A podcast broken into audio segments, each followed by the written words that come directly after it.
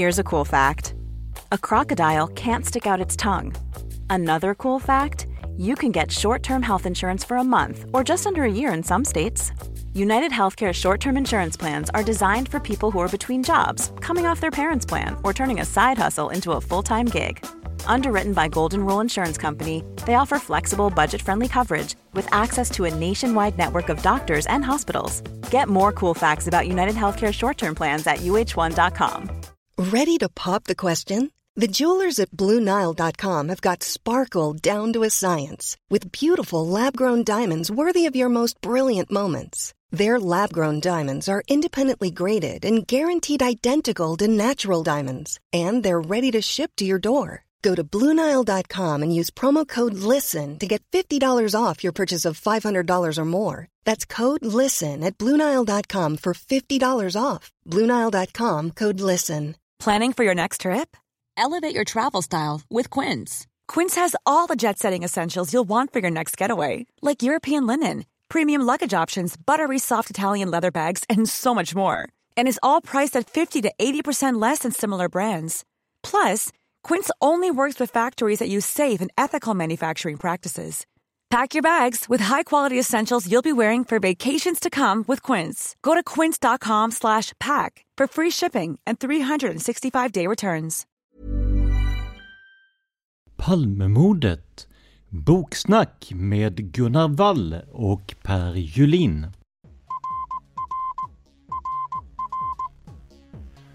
Sveriges statsminister Olof Palme är död. 90 000. Ja, det är mord på Sveavägen. Hörde de säger att det är Palme som är skjuten. Mordvapnet med säkerhet är en Smith Wesson, en revolver kaliber .357. Inte ett svar. Det finns inte ett svar. För jag har inget. Och jag har inte varit Varför skulle jag göra Polisen söker en man i 35 till 40-årsåldern med mörkt hår och lång mörk rock. Välkomna till podden Palmemordet som idag görs av mig, Tobias Henriksson på PRS Media. Jag vet att vi tjatar om sponsring och Patreon och jag vet att många av er tycker att det är tråkigt. Men jag lovar att vi bara gör det för att kunna lägga pengar och tid på att göra en bra produkt. En produkt som vi vill göra tillsammans med er. Om du vill stötta det arbetet, gå in på patreon.com palmemodet och donera en summa som podden får per publicerat avsnitt. Det är alltså patreon.com snedstreck Palmemordet. Om du hellre vill donera via Swish hittar du numret i avsnittsbeskrivningen. Om ni lyssnat i kronologisk ordning på avsnitten så har ni nyligen hört en debatt i ganska högt tonläge om konspirationsteorier, Palmemordet och mycket annat. Och efter den urladdningen tyckte jag att vi behövde varva ner lite. Så jag kontaktade Per Julin som läser in Gunnar Walls böcker till ljudböcker och frågade om han var intresserad av att tillsammans med Gunnar prata om Palmeböcker. Och det var absolut inga problem. Så idag kommer våra två gäster att berätta om allt från intresset för Palmemordet till hur Gunnars böcker blir ljudböcker. Men inte nog med det. Vi har också fått tillåtelse att spela upp ett klipp där Per Julin läser en bit ur Det motvilliga huvudvittnet, som är en del av Huvudet på en påle av just Gunnar. Och det här blev möjligt tack vare Robert Wangeby på ljudboksförlaget Bonnier Audio. Och självklart vill vi på podden rikta ett särskilt stort tack till dig Robert. Ni som lyssnar kan gå in på bonnieraudio.se och själva titta igenom alla de böcker som förlaget gett ut som ljudböcker, inklusive många av Gunnar Wall och med Per Julin. Klippet med Per kommer ni att få höra i slutet av avsnittet, så stanna kvar till dess så får ni alltså ett gratis utdrag ur Det motvilliga huvudvittnet. Men nu över till våra gäster. Gunnar känner väl de flesta av er till, men vem är egentligen Per Julin enligt honom själv? Vi försöker ta reda på det. Per Julin heter jag. Eh, jag sitter just nu i en av studiorummen på mitt produktionsbolag som heter Beppo ljudproduktion och jag har nyss eh, spelat in en eh, text för Dagens Nyheter. Vi läser in valda artiklar varje vecka i, i ljudform som man kan lyssna på i deras app. Och i övrigt så läser jag in väldigt mycket ljudböcker som säkert har framgått. Dels många av Gunnars böcker då har det blivit under åren här. Mycket om Palme men även en hel del andra böcker. Gunnar har ju skrivit om alla möjliga ämnen genom åren så jag har läst en hel del av dem. Jag läser mycket, det blir mycket historia och eh, politik, sakprosa, eh, faktaböcker för mig. Men en del romaner har det blivit också genom åren. Jag har läst in en bok av Ola Larsmo som heter Översten som också bottnar i historisk fakta kan man säga. Det handlar om en eh, kille från Sverige som stred i eh, amerikanska inbördeskriget som han har gjort en roman på. Då. Och så. Men sen gör jag också poddradio faktiskt, producerar poddradio. Ja men du ser. Ja, det, det har växt. Jag tror det kommer bli eh, stort det här med podd. ja, nej men vi gör mycket här på BEP och jag producerar bland annat en som heter podcasten Staden med eh, Dan Hallemar och Håkan Forsell heter de två som driver den. Då. De reser runt i världen i olika städer och berättar om arkitektur och historia och kultur, litteratur och sådär. I stora drag ungefär så. Jag, jag är, fyller 50 i år också kan nämnas. För jag tänker att eh, din ålder är ju, är ju, har ju visst eh, intresse för den frågan som vi ställer till, ja men i stort sett alla som gäster här då Per och det är ju hur, hur du minns eh, den här händelsen med, med mordet på Olof Palme? Ja, jag har en ganska klar minnesbild faktiskt. De flesta har väl det, inbillar jag mig. Men jag, vi, vi hade ganska nyligen flyttat in till Linköping eh, efter att ha bott ut, strax utanför stan där. Så låg jag i min våningssäng på översta, i överslafen där så hade jag en kompis som sov över på underslafen där. Och så vaknade jag tidigt. Visst var det här en var det inte en söndag morgon som det här uppdagades? Minns jag fel? lördag. Ja, det var i alla fall söndagsstämning. Det var en lördag ja. Men det kändes som, jag vaknade upp där och det var någonting märkt. Jag, jag minns det som att det kändes som att någonting är konstigt. För mamma och pappa var uppe liksom och satt där i köket och jag gick upp, det var ganska tidigt på morgonen och eh, de satt och lyssnade på radion som jag minns det. En tidning låg där också och det stod Palme är skjuten. Eller någonting sånt där. Jag kände, det kändes som att det var en overklighetskänsla. Jag hade sett, strax innan hade jag sett en debatt på TV. Inte för att jag var så poli politikintresserad på den tiden, jag var 14 år då. Men eh, då hade jag sett Bildt och, och Palme pratat i någon debatt, minns jag. Några veckor innan och sådär. Jag hade hört någonting om att Palme var så taskig mot sina motståndare mycket av det här kan ju vara efterkonstruktioner. Liksom. Jag, jag minns den här stämningen den där morgonen i alla fall. Att det var söndagsstämning upphöjt till tusen. Och väldigt märkligt det hela. Faktiskt. Du, jag vet inte Gunnar om vi har frågat eh, dig vad, vad du gjorde kring eh, själva mord, ja men mordnatten eller själva mordet där. Men nu, i så fall kan vi repetera det för de som inte har hört det. Hur, hur, såg, hur såg ditt eh, liv och den tiden ut för dig?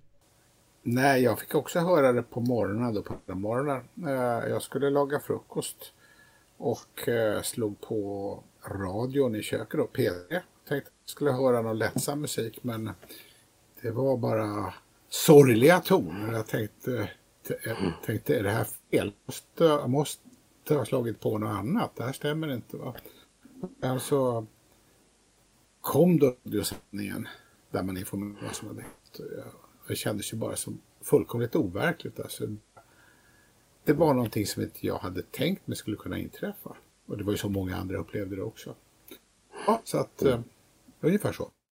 Per, du har ju som sagt läst in många av eh, Gunnars böcker här då ju. Och om, om man fokuserar lite på, ehm, på ditt, ja, men ditt jobb som inläsare, vad, vad jag, jag, tänker först, vad, vad, vad, måste man tänka på som inläsare? När det, alltså, kanske framförallt då när det gäller att gestalta en, en faktabok som är ja, men, lite annorlunda misstänker jag, som Gunnars böcker. Skiljer det sig från att läsa in en roman till exempel? Alltså det finns några saker som lyssnaren reagerar på direkt om man inte håller det. Och det är ju du måste vara konsekvent. Alltså. Du, du, eh, du bör uttala namn och platser och eh, begrepp på samma, samma sätt genomgående. Det är nästan viktigare än att du uttalar det rätt, inbillar jag mig ibland. Alltså, att du, börjar du säga Barcelona med spanskt eh, läspande S-ljud där, då, kan, då bör du nog göra det genom hela boken. Men då får du problem för då måste du göra det med alla andra ställen också, uttala det lokalt så att säga. Du behöver vara, hålla en linje, det är viktigt. Och det gäller ju både i sättet att uttala men också i hela ljudkaraktären. Alltså produktionen måste ju låta likartat. Som, som idag är jag ganska hes i rösten. Så hade jag, hade jag kommit in och behövt korrläs eller liksom korrekturspela in en ljudbok så hade jag nog fått vänta några dagar. För annars hade mix ljudpersonen fått ett enormt jobb för att försöka EQa bort det här. Så det, sånt där upptäcker man direkt som, som eh, lyssnare. När det, skift, när det skiftar i tonalitet eller uttal och sådär. Sånt är viktigt. Eh, sen är det klart att eh, när det gäller Gunnars böcker, jag ska ärligt säga det att när Bonnier kontaktade mig för den första större produktionen med Gunnars böcker, det var den här femdelade produktionen som, vad hette den nu igen? Det finns ju två långa serier som finns. Mordgåtan Olof Palme. Var Ja, precis. Mordgåtan Olof Palme var det. Eh, då berättade de att den här vill vi gärna att du läser in. Ja, det var intressant. Palmemordet, det, det, ska bli, det ska bli intressant. Och så såg jag då, oj då, det här är några tusen sidor. Herregud. Kommer jag, hur, hur kommer det bli? Kommer jag kunna hålla den där linjen och vara konsekvent i en sån extremt tjock produktion och lång produktion? Men eh, det gick bra. För som jag har sagt tidigare till Gunnar, eh, jag tycker att du skriver på ett sätt som lämpar sig väl för högläsning. Eh, det, det, är inte alltid det, så är fallet, eh, tycker jag. Men just i ditt fall så funkar det ofta väldigt bra. Jag vet inte, hur, det, hur går du tillväga där för att få det att bli så? Sker det automatiskt eller hur, hur, när du skriver för att veta att det ska funka som ljudbok? Tänker du på det? Ja, nej, inte att det ska funka som ljudbok. Det har jag inte tänkt på i början i alla fall. Nu vet jag ju att det finns med. Jag har väl försökt hålla mig till att man läsare snabbt ska förstå vad det är jag vill ha sagt. Och därför mm. brukar jag undvika långa meningar. Jag brukar vara noga med att läsa om texten om och om igen. Läsa den högt, högt helst så att jag märker om någonting är otydligt. Jag får inte vara störande upprepningar av ord och man ska hänga med i tanken hela tiden. Det är väl min avsikt. Mm. att att, att, liksom, att man ska förstå vad det är jag försöker säga. Det ska leda fram till något nytt som hänger ihop mm. med det som har sagts innan och så vidare. Att, så jag brukar skriva om texterna ganska mycket innan jag är nöjd. För det där är en grej det ska som... låta enkelt men det är ganska mycket jobb bakom egentligen. Just det. Ja.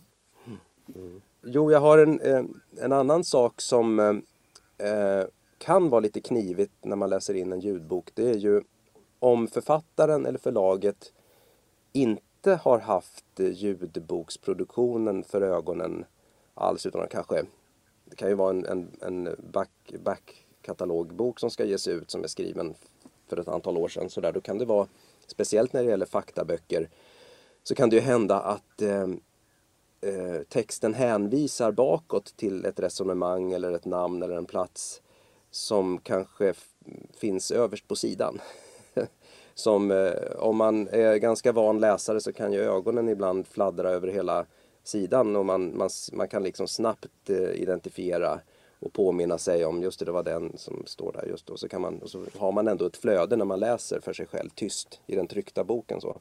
Ljudboken funkar ju aldrig så utan då, då kan ju ett namn poppa upp som eh, bygger på att man har hört, resonemanget bygger på att du har hört det tidigare. Men det kanske är tre minuter sedan. Hur ska man då göra som lyssnare för att, om man inte var koncentrerad just då, eh, när det nämndes första gången. Hur ska jag som inläsare då på ett pedagogiskt sätt kunna rycka tag i lyssnaren igen så att intresset finns där och få det att bli begripligt och så.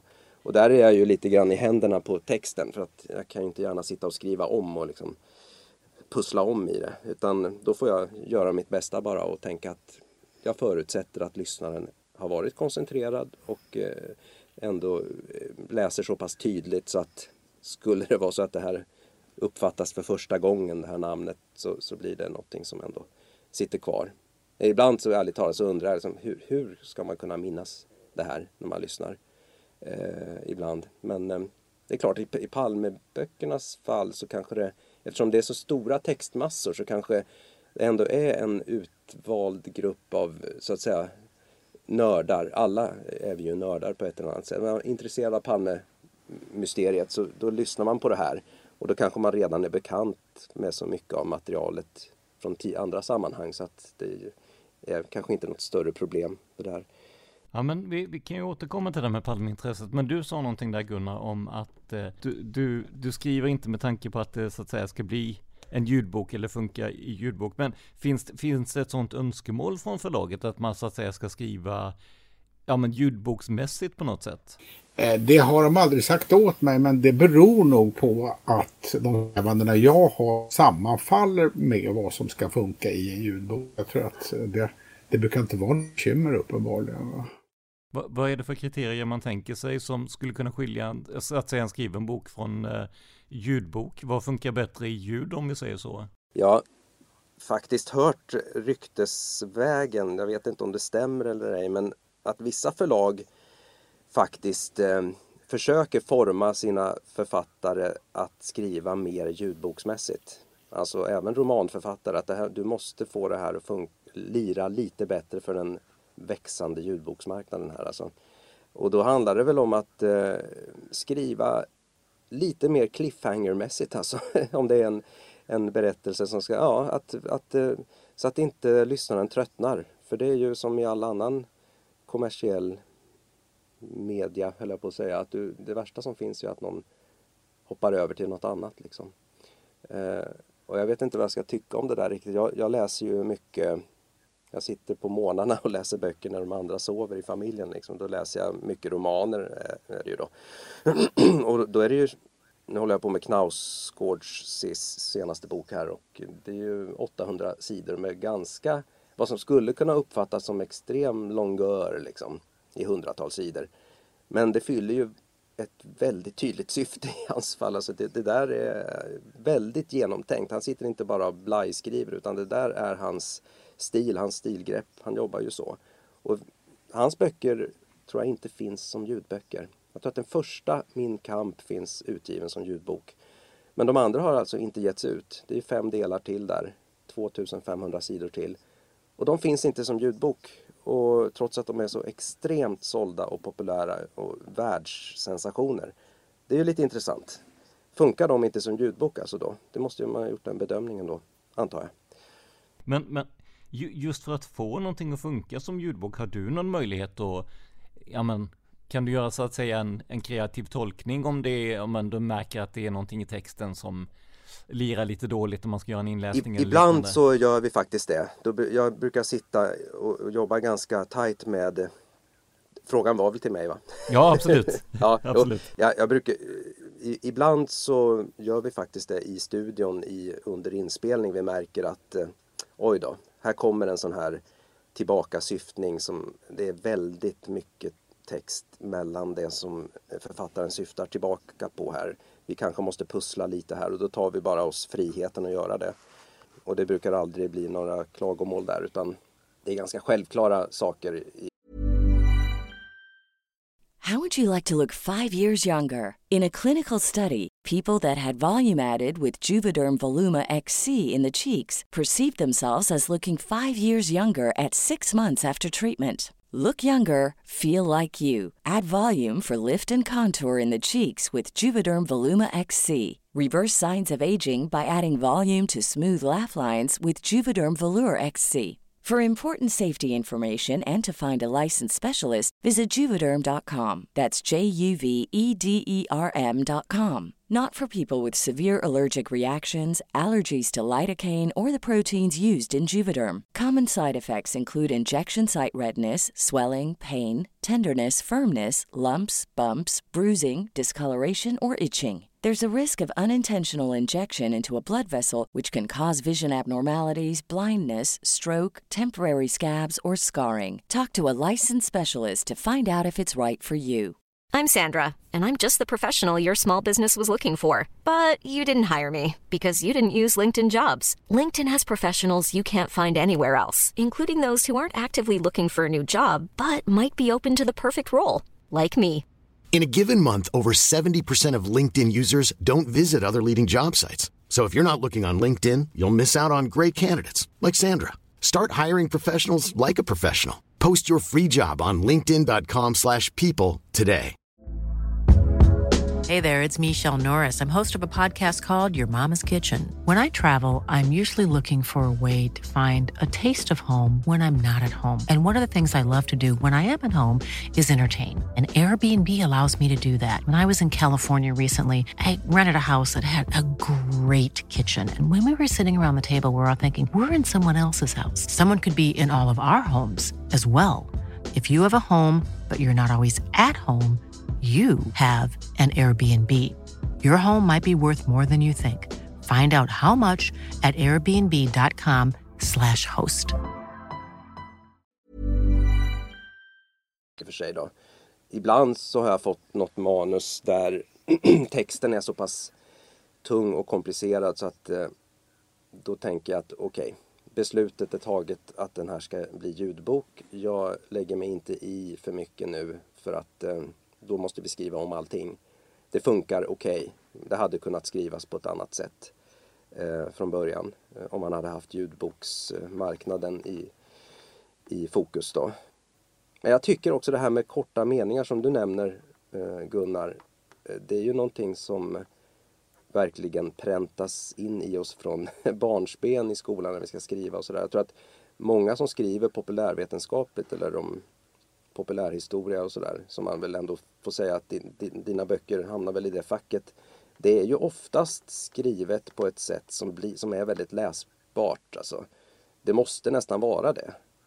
Det är inte akademiska avhandlingar vi snackar om utan det är ju på något sätt det är en annan genre, en mycket mer publik genre. Då är det korta meningar och re relativt enkel läsning ändå.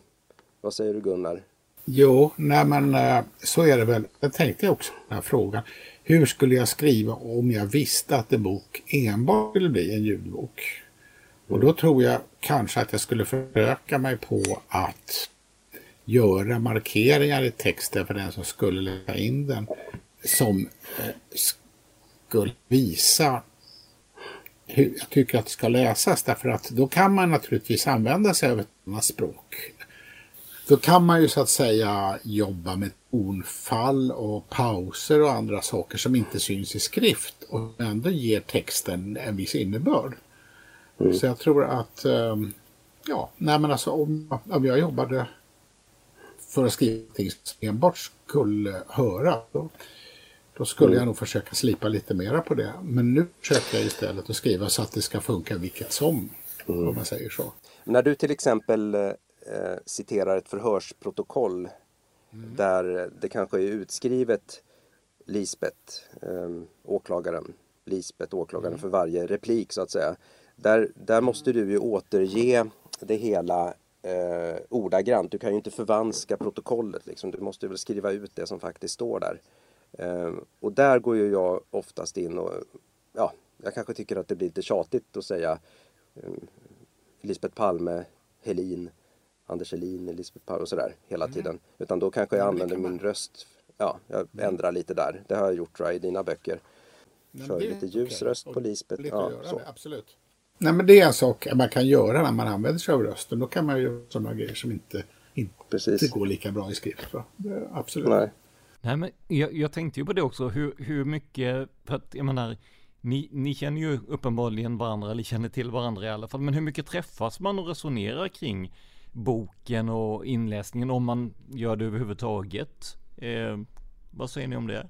Jag kan, väl, jag kan säga så här att jag, vi har ju träffats, jag tror jag har träffats en gång och fikat och sen så träffades vi på, på en Dweezil Zappa-konsert som hastigast på Cirkus. Kommer du ihåg det Gunnar? När du satt just där och, Ja, precis. Ja, för några år sedan. Men ehm, i, i, jag har liksom aldrig haft anledning att bolla eh, utifrån någon sorts ehm, Ehm, ja, försök att förbättra eller klargöra saker som jag inte riktigt vet hur jag ska göra med när jag får Gunnars texter. För som sagt, de är, de är klara och tydliga och välskrivna. Um, sen vet jag inte från förlagets sida hur du hur funkar det där liksom? Får du meddelande om nu ska vi, vi vill gärna ge ut den här boken som du har skrivit den, den kommer göras nu bara så du vet Gunnar eller får du, blir du inbjuden att på något sätt gå in och ha önskemål och, och synpunkter sådär? Jag skriver ju avtal när det ska göras mm. därför att det ingår inte i det ursprungliga avtalet. Det är ett extra avtal så att Eh, så att jag skulle ju säga nej, men jag har ingen anledning mm. till så att säga. Men nej, nej men alltså jag, jag tycker att eh, jag lägger Jag tänker rent kreativt i... liksom så här. Ja. Mm. Mm. Nej men jag lägger mm. mig inte i egentligen. Jag vill ju att någon som läser det ska göra det bra och det gör ju du och då är jag nöjd. Då vet jag att det här, det här blir bra. Och är det någonting du undrar då får du höra av dig till mig. Så att alltså, det känns som att uh, det har funkat jättesmidigt helt enkelt. Va? Och mm. eh, vi har verkligen inte setts mycket som sagt. Va? Nej, vi har ju skrivit till varandra lite då och då men alltså det, det är bara det att eh, det har flutit på ändå och det är väldigt skönt. Mm. Ja, nej men det, det är skönt när det går smidigt och man, jag känner alltid det när jag får en bok från Gunnars penna att skönt, då vet jag att det jobbet kommer rulla smidigt och jag kommer kunna det kommer passa mig som hand i handske med mitt sätt att gestalta och sådär. Det brukar alltid vara så. Ibland så har jag fått, eh, jag har läst in väldigt mycket böcker som Dick Harrison har skrivit. Och då vet jag att det är ju ofta lite äldre historia och ibland en hel del latinska namn och sådär. Och en grej som har dykt upp där, då handlar det om, eh, ta ett namn som Cicero. väldigt välkänd gammal författare som alltid har uttalats Cicero i Sverige. Men om man ska vara korrekt så heter han egentligen Kikero. C ska egentligen uttalas som K. Och i, inom akademin så är det nog vanligt att man säger det på det korrekta sättet, Kikero. Och då är frågan, börjar det där glida in även i allmänhetens sätt? Är det liksom en ambition från historiefakulteten att få ut det där sättet att säga det? Så då har jag behövt bolla lite, vad säger du Dick, ska vi ska börja säga Kikero? Jag hörde att du sa det i radion häromdagen. Liksom nej, använd hellre det, det klassiska sättet att säga för annars så blir det irriterande. Återigen det här, vad reagerar lyssnarna på? Skulle jag säga Kikero så skulle folk börja tycka att oj då, nu ska han snobba till sig och vi, vi, tycker att han vet bättre än alla oss andra. Ja, ja, det heter väl så då. Men vi ska säga Cicero. han ska säga Cicero. Nej, nu vill jag inte lyssna mer på Per Julins böcker. Han har blivit en snobb. ja, vet, lite så, sådär.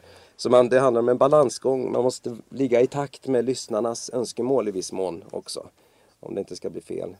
Och det, någon, någonting, det är nämligen så här Per, att du, du har utan att veta det följt med mig på eh, eh, många turer i, i lastbilen då. Jag jobbar som eh, chaufför eh, när jag inte gör poddar då. Eh, och där, där har jag tänkt också på att olikheterna mellan olika inläsare för att eh, det var någon, ett namn, jag tror han hette Eh, du får hjälpa mig nu Gunnar, kommer du ihåg en profilerare från FBI som heter Gebirth eller Gebirth, något liknande? Det där klingar en klocka. Ja, jag, alltså, alltså jag vet vem du menar, men, men jag skulle, nej jag inte, han hette Vernon Vernon Gebirth eller Gebirth.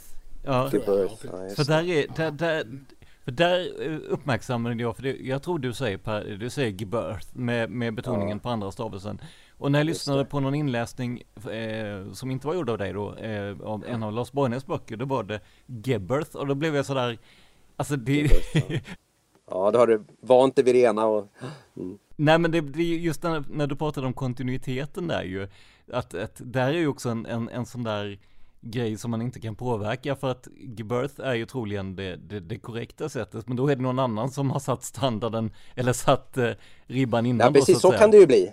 Då bryter man med något som de som lyssnar på den Ja precis, så kan man bli fel på det sättet. Visst. Nu finns det ju väldigt bra hjälpmedel. Det finns en, en jättebra eh, webbsida som heter Youglish, alltså som Youtube fast Youglish.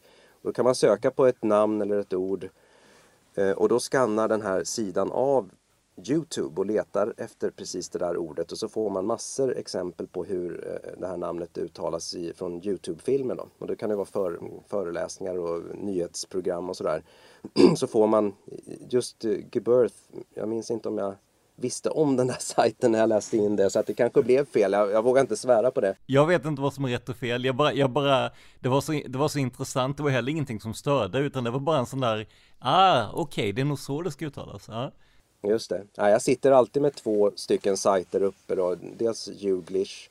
Det finns även på andra språk tror jag, men Juglish på, för engelska och franska och tyska och sådär. Och sen finns det en annan sajt som heter forvo.com som alla använder som läser in ljudböcker och där får privatpersoner helt enkelt skicka in uttalsförslag på ett namn på det språk som de behärskar. Då. Så det kan finnas massor med exempel på Kikero till exempel. Då.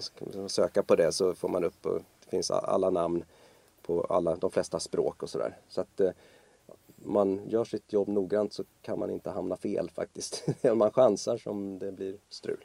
Eh, men jag tänkte på det då Gunnar. Eh, för vi pratade om det här med att du skriver avtal för ljudboken och så vidare. Men har du så att säga, har du något, eh, något veto eller har du någonting med den färdiga produktionen att göra? Att, alltså efter att, efter att produktionen har startat så att säga, behöver du godkänna det eller sådär? Eller, eller är ditt jobb så att säga gjort i och med att du har lämnat manuset vidare till, till Per?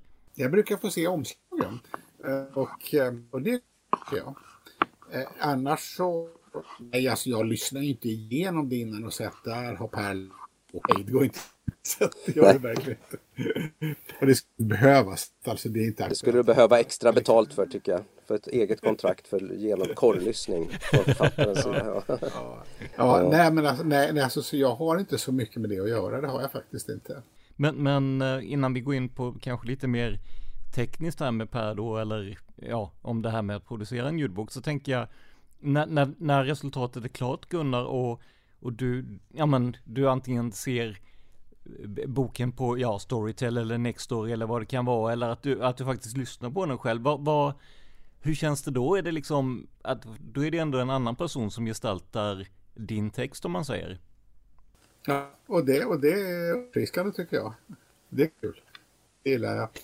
Sen brukar jag inte lyssna igenom för det har jag liksom inte tid till helt enkelt. Jag vet ju vad det står så att säga. Så jag vet, inte vet, vet vad som finns. Men, men liksom, jag har en bild av hur det låter. Och ja, då lyssnar jag och så blir jag glad. Och så, och så that's it. Eh, låter ju som ett gott samarbete onekligen. Ja, det, jag tack, tackar för det berömmet. Men Per, eh, när du får in ett manus eller ja, du får ett uppdrag av, är det Bonnier Audio har det väl varit som eh, som har varit Det är Gunnars böcker och en del ja, andra. Precis, ja. precis det är det. Eh, hur, hur lång tid tar det om man säger från att du får uppdraget till att vi kan lyssna på boken? Jag tänker inspelning, mixning, ja, sånt som är så att säga in, in, inom din kontroll. Jag skulle säga, jag brukar säga utan att veta om det stämmer exakt, men att själva produktionen brukar ta drygt dubbelt så lång tid som det tar att eh, lyssna på den färdiga boken. Eh, då har jag alltså förberett mig genom att ha ett grepp om textens tonalitet och har gått igenom lister på namn och platser som jag behöver ha koll på vad gäller uttal och så. Men sen så har jag upplevt att jag det blir alltid bäst när jag försöker liksom sätta mig ner och koncentrerat läsa boken. Jag har liksom inte läst igenom hela boken högt en gång och sen sätter jag mig framför mikrofonen och så nu spelar vi in. Utan jag vill gärna komma igång fort och få den där lite extra nerven som det faktiskt innebär. Jag, har, har, jag vet att jag har en bra förmåga att kunna gestalta och se, se melodi och förstå betoningar och sådär i en text om den inte är väldigt annorlunda skriven så. Så det brukar bli en viss magi att sätta sig ner och försöka få till det eh, nästan live on tape. Sådär. Och sen så är jag ju såklart, eh, jag spelar ju in en del böcker eh, med mig själv som tekniker i min egen ljudbokstudio här och då vet jag ju exakt hur jag ska göra för att andningar ska försvinna utan att jag behöver pilla så mycket med det och veta hur jag ska imitera mig själv när jag läser fel och sådär. Det är ju såklart bäst av alla på att imitera mig själv. av naturliga skäl sådär. Eh, det är ju det det handlar om. Och ibland så kan det ju vara så. Det, det har väl hänt någon gång att jag har har, korrlyssnaren har upptäckt något fel i sista stund och så måste jag eh, gå in och rätta till det därför att deadlinen är midnatt samma kväll eller något sånt där. Och så råkar jag vara förkyld just den dagen, som idag är lite hes. Då måste jag gå in och försöka då får jag använda mina tekniska kunskaper för att liksom EQa och kompressa och limitera fram någonting som verkligen låter så nära som möjligt. Det gamla. För det kan man faktiskt höra i en del produktioner, speciellt av äldre datum eh, som lästes in i ljudbokens barndom höll jag på att säga. Men ändringar gjorda där man hör jättetydligt att oj då, där var det ett halvår senare ja. Eller det där var tidigt, tidigt på morgonen och eh, tidigare så satt de på kvällen och läste in. Sånt där hör man jättet, behöver man inte vara ljudtekniker för att höra. Men innebär det en, att du inte, alltså kan du njuta av att lyssna på en, en ljudbok eller blir man yrkesskadad så att man, man helst så att säga läser det tyst för sig själv?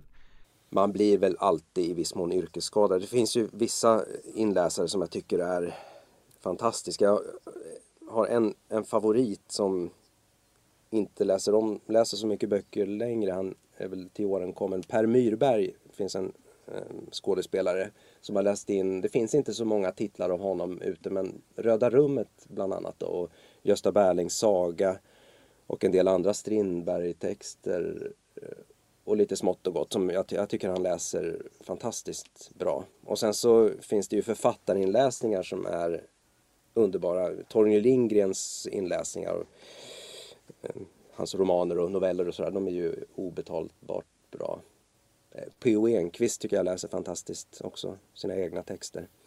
Och så. Eh, sen finns det, sen är det, smaken är olika, alltså det finns vissa som älskar när skådespelare gör nästan en sorts enmansteater av inläsningen. Ehm, det, det tycker vissa är precis rätt och andra tycker att det blir helt outhärdligt. Men ehm, det är en smaksak alltså. Sen är det vanligt att folk väljer bok ut efter inläsare också. De har en favoritröst och så tycker de att allt som den har läst in det är bra. Att rösten blir viktigare än texten. Och då, då har det blivit lite, då har det gått lite snett tycker jag. Då har det blivit lite fel. Så ska den inte vara. Jag vill ju att rösten ska vara ett ljudtypsnitt. Det är min gamla, min gamla käpphäst. Ljudtypsnitt tycker jag var bra ord. Mm, jag tycker att det, texten är det som är, ska vara i fram... Rösten ska inte bli som ett raster eh, för texten utan det är texten som ska gå fram till, öron, till trumhinnorna, det tycker jag. Förutom då eh, dina inläsningar Per, så eh, jag gillar ju Torsten Wahlund. Eh, det, det är någon karaktär i rösten där som jag tycker är väldigt bra. Bland annat, ja han har läst in jättemycket men eh, Sist hörde jag honom i Att skapa en seriemördare, fallet Thomas Quick, där Hannes Råstams bok. Så att, eh. ja, han har ju läst in, han är nog Sveriges mest ljudboksröst, eller var i alla fall ett tag. Eh, otroligt skicklig. Och en röst som jag tror många kan gilla också. Han har en, ett lugn i sitt sätt att läsa som jag tror som funkar väldigt bra. Eh, och en karaktär, det, man hör ju direkt att det är han. Och, och, men han färgar inte innehållet så mycket som vissa andra kanske gör. Trots att han har sin alldeles egna stil. Det... Rösten blir ett varumärke. Mm, jo men så är det ju, verkligen. Men, men när du sitter och, och läser igenom ett manus Per, eller ja, eh, när du läser in det då, händer det att du blir liksom än mer intresserad av själva ämnet? Jag tänker om läsa Gunnars böcker, har det, har det ökat intresset för Palmemordet till exempel? Ja, absolut. Det har det gjort. Ehm, ja. Det är så, de är så innehållsrika, Gunnars böcker, så att det som man möjligen hade ett hum om såsom inte varande Palmemordsnörd från början sådär, så är det ju så väldigt många trådar som Gunnar drar i som, som finns. Det finns ju så mycket material att tillgå på nätet och Youtube och allting. Det blir ju intressant att ta reda på, men hur, hur var den här Ölvebro? Var inte han lite var, var han inte, man har en bild av hur, hur han var på TV då. Det finns det ju, kan man ju gå och titta. Hur lät det när han satt där och la ut texten? Um, och då har jag faktiskt, um, även om jag som sagt var inte vill göra gubbar av alla de här personerna och göra en teater av det så är det ju svårt att inte på något plan lägga in lite, lite av Anders Helins lite grova röst eh, och lite myndiga ton och eh, Lisbets kanske lite försiktiga stämma Och Christer Petterssons förvånansvärt eh, artikulerade sätt att uttrycka sig och där han framstår som en intellektuell person snarare än ett riksfyllo. Liksom och sådär. Det, sånt där är ju i alla fall en aning om det har jag nog velat få med i texten. Så jag har sökt upp de där citerade citaten som finns med i böckerna för att i alla fall lyssna på hur lät det faktiskt på riktigt. Så, så, så du är, du är, du har, du, ska jag säga, blivit en ja, vikarierande Palmenörd om inte annat. Ja. Nej men absolut, det, det, är svårt att inte bli det. Alltså det, det, är ju så också att när, när man sitter ner och ska läsa in en ljudbok då krävs det ju full koncentration. Och det innebär ju att även de ställena som kanske är lite trassligare, som kanske inte är jätteangelägna för den stora, den röda linjen. Det kanske är en utvikning på ett tiotal, tjugotal sidor som Gunnar kanske har med i boken för att det finns, det finns ett syfte med det. Det är sånt, kanske en sån grej som man skulle läst, liksom hafsat sig igenom om jag hade haft boken i tryckt form. Men nu måste jag ju läsa koncentrerat och då blir ju allting, varenda ord är ju viktigt. Jag kan inte sitta där och liksom mumla mig igenom några sidor tänka att det här är ingen som vill lyssna på utan jag måste ju vara koncentrerad.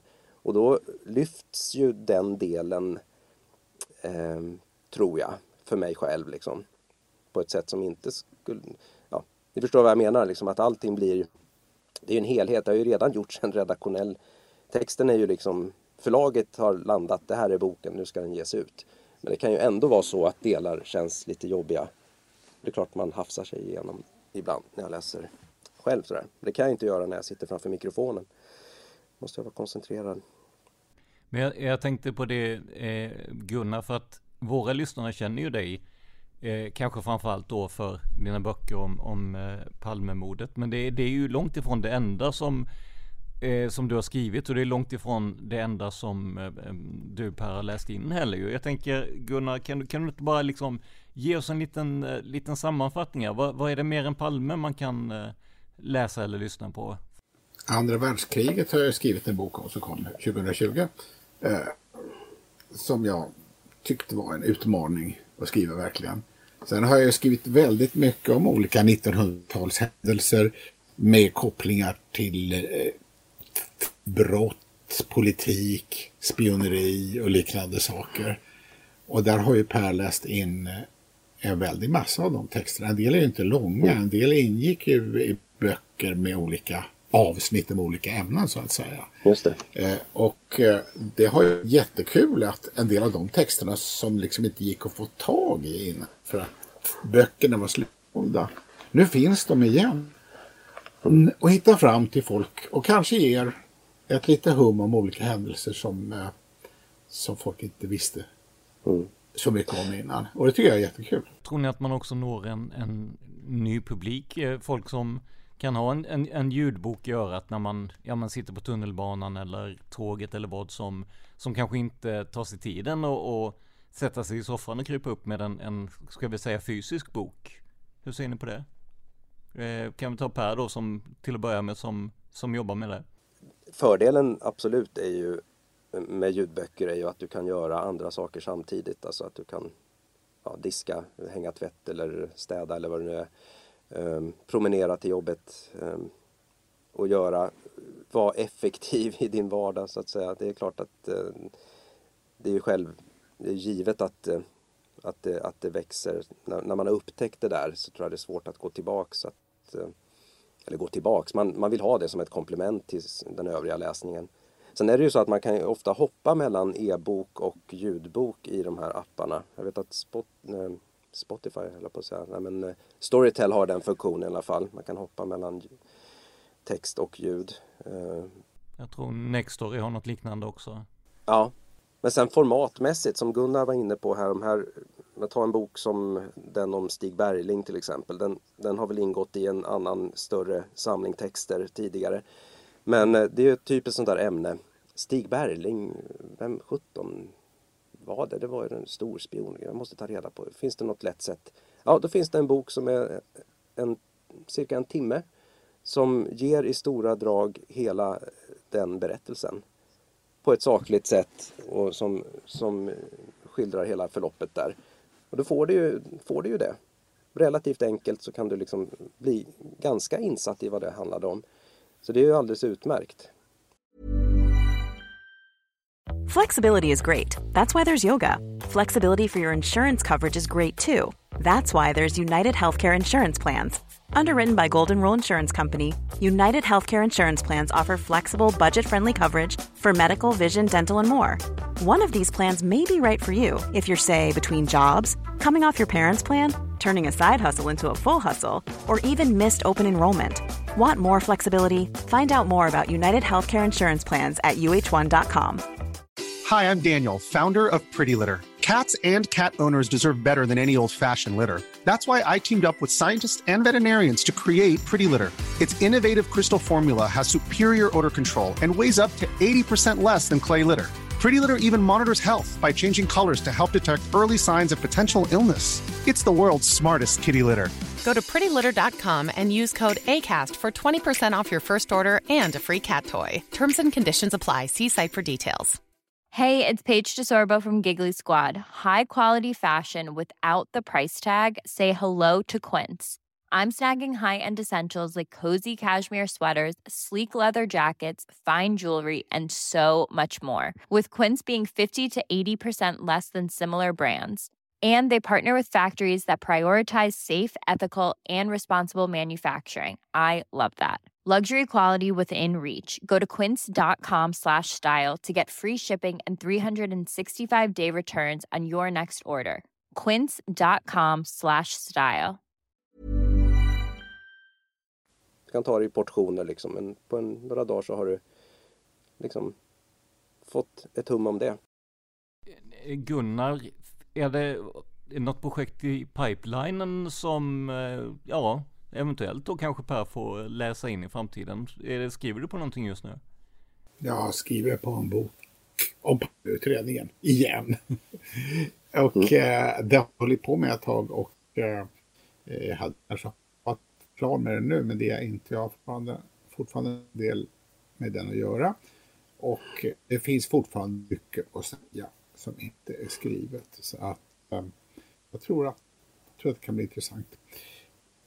Eh, ja, annars tänkte jag bara haka på det här eh, som du eh, tog upp förut. Mm, eh, alltså jag tror att man får en ny publik med ljudböcker. Jag tycker att det är bra. Jag vet att det kan finnas en del människor som tycker att det känns fel. Folk inte läser böcker lika mycket som förut. Och det kanske var synd. Men samtidigt tänker jag det att ljudböcker liknar ju den ursprungliga berättarformen. Verkligen. Det är ju lägerelden så att säga. Så, Precis. Det är underligt att, eh, att det slår igenom och jag tycker det är bra. Va? Och det, Det är en naturligtvis jätteviktig folk poäng. som av olika, olika skäl inte tycker att det känns lika bekvämt att sitta och läsa en bok. Det är alldeles utmärkt.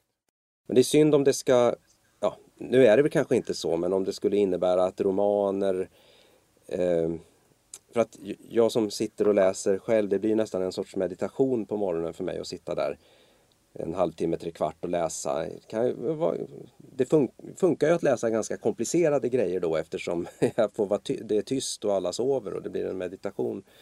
Jag vill ju att sådana böcker ska fortsätta skrivas, så det, men det kanske de kommer att göra. Det är kanske inte någon större risk att ljudböckerna slår ut all form av annan litteratur.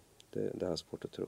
Jo, eh, jag tänkte på det Per. Du berättade ju eh, lite om, ja men, processen med inspelning och sådär. Men alltså om du nu skulle få ett manus som du känner att, ja men det här, jag kan inte riktigt stå bakom det. här. Säg att, att Gunnar nu mot all rimlig förmodan skulle tillägga, skulle skriva, ja men att, att eh, Palme begick självmord och flydde till, eh, eller fejkade sitt eh, självmord och flydde till Schweiz eller någonting som du inte kan stå bakom. Har du någon möjlighet att, att liksom säga att, ja men, ah, ja, det här funkar inte riktigt?